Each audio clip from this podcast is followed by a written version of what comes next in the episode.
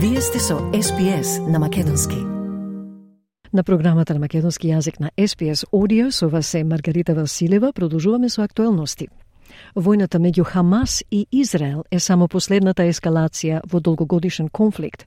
Од 7 октомври 2023 година Хамас стана познато име ширум светот, но многумина се уште не го знаат потеклото на групата или како дојде да управува со Газа. Новинарката на SPS, Даниел Робертсон, разговараше со двајца експерти за потеклото на групата и за бурните односи со Израел.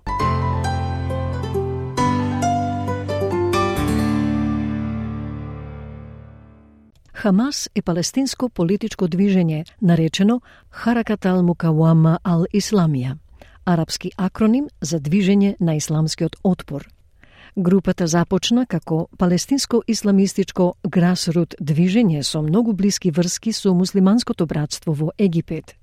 Мохамед Ал Джарауа, кој има докторат по меѓународни односи на Универзитетот во Ньюкасл и е експерт за Блискиот Исток и Северна Африка, вели дека Хамас е палестински огранок на муслиманското братство основано во Газа.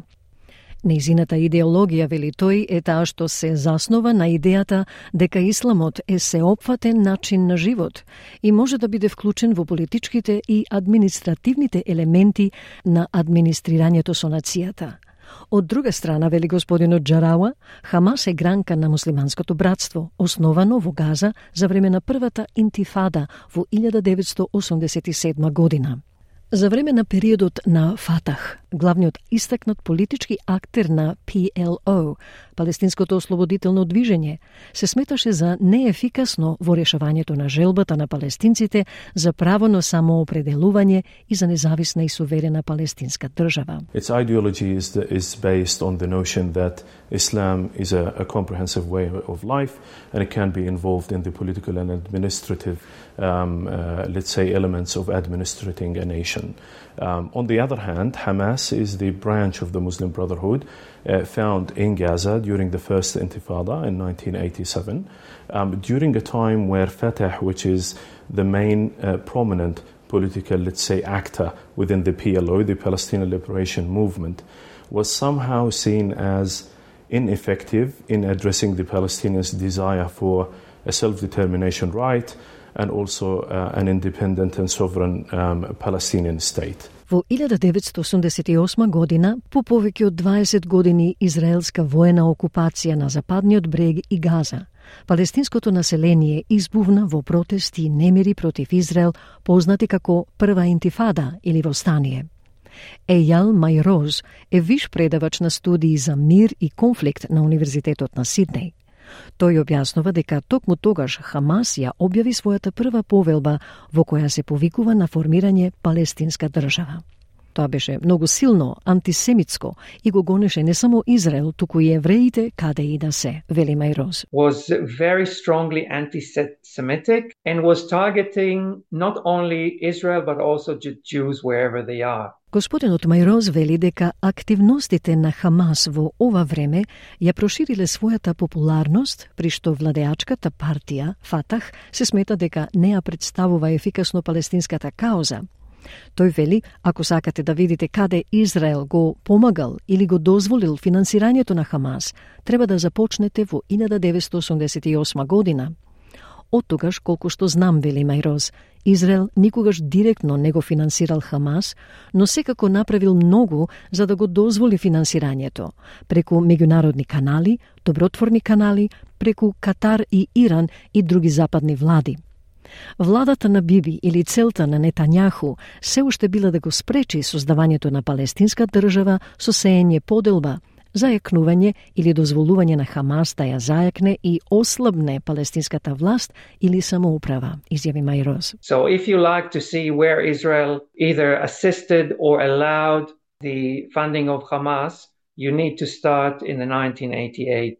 And since then, as far as I know, Israel never directly funded Hamas, but certainly did a lot to allow its funding, as I said, through uh, international channels, uh, charity channels, through Qatar and Iran and, and other, including Western governments. Bibi's government or, or Netanyahu's purpose was still to prevent the creation of a Palestinian state by sowing divide, strengthening or allowing the Hamas to strengthen and weakening the uh, Palestinian Authority. Протестите од првата интифада траја до 1990-тите.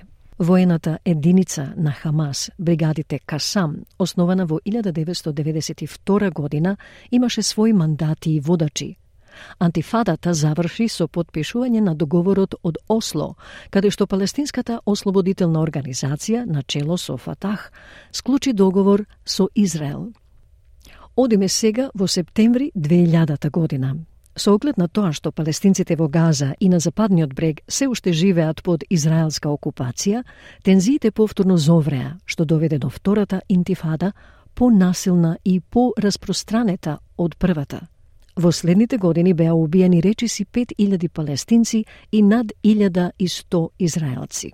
Во 2004 година водачот на Хамас, Ахмед Јасин, рече дека групата ќе го прекине вооружениот отпор против Израел во замена на палестинска држава на западниот брег, појасот Газа и источен Ерусалим. Израел потоа изврши атентат врз Јасин во март во таргетиран израелски воздушен напад. Мохамед Алджарауа вели дека ова резултирало со зголемени воени действија на палестинските територии, што создаде чувство на одмазда кај палестинците, тие сакаа да возвратат и се дојде до зголемено ниво на воени акции на палестинските територии.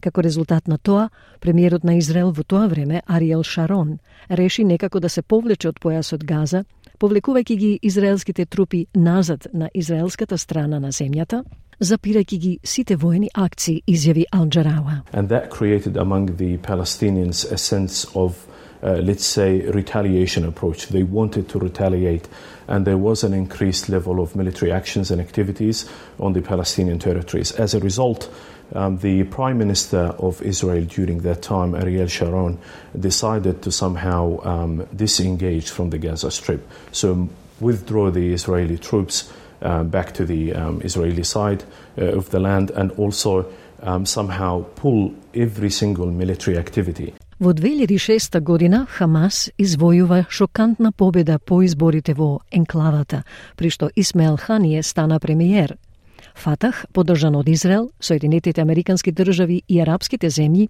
не ги призна резултатите од гласањето и се обиде да ги собори, што избувна во крвави борби на улиците на Газа.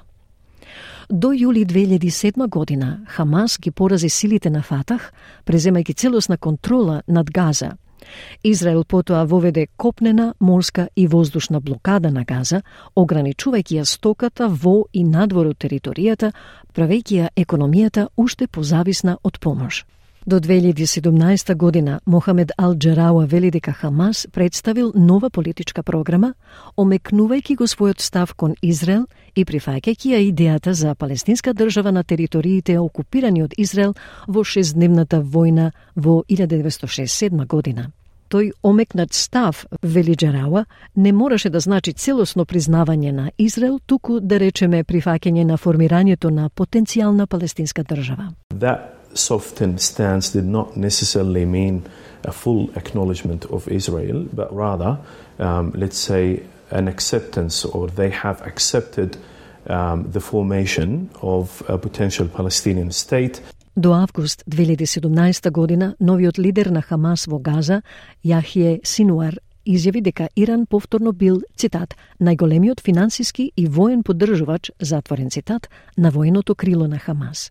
Господинот Алджарауа вели, овде постои разлика помеѓу тоа како Хамас беше поддржан финансиски, социјално или со друга опрема од другите ограници на муслиманското братство, особено во Египет, и нивото на поддршка што Хамас ја добиваше од Иран. Значи, односите на Иран со Хамас се многу динамични и комплицирани, вели тој. По револуцијата во 1979 година има многу промени – Иран стана еден од најголемите поддржувачи на кој било исламистички милитанти на Блистиот Исток, вели Алджарауа. Differentiation here between how Hamas was supported financially, socially, or by other equipments by other branches of the Muslim Brotherhood, especially in Egypt, and the level of support that Hamas has been receiving um, uh, from Iran. So Iran, um, Iran's relationship um, with Hamas is very dynamic um, and it's very complicated. So, following the revolution in Iran in 1979, a lot has changed. So, Iran became uh, one of the biggest supporters of any Islamist um, militant within the Middle East. Ејал Майроз вели дека политиката на израелскиот премиер Бенјамин Нетањаху во одговорот на конфликтот со Хамас може би имала некои несакани последици што му дозволија на Нетањаху да го продолжи ова што би ја нарекле луда политика, што на некој индиректен или дури директен начин доведоа до 7 октомври, дозволувајќи му на Хамас да стане толку силен, вели Мајроз. And allowed thereby Netanyahu to pursue this what you would see as a crazy uh, policies that led in some uh, indirect ways, or you could say even in some ways direct ways, to the 7th of October by allowing the Hamas to become so strong. Палестинската анкета на јавното мислење објавена минатиот месец покажа дека поддршката во Газа за Хамас не е намалена од 7 октомври, но се зголемила, речиси, четири пати на западниот брег. SPS на Македонски, на радио, онлайн или на мобилен.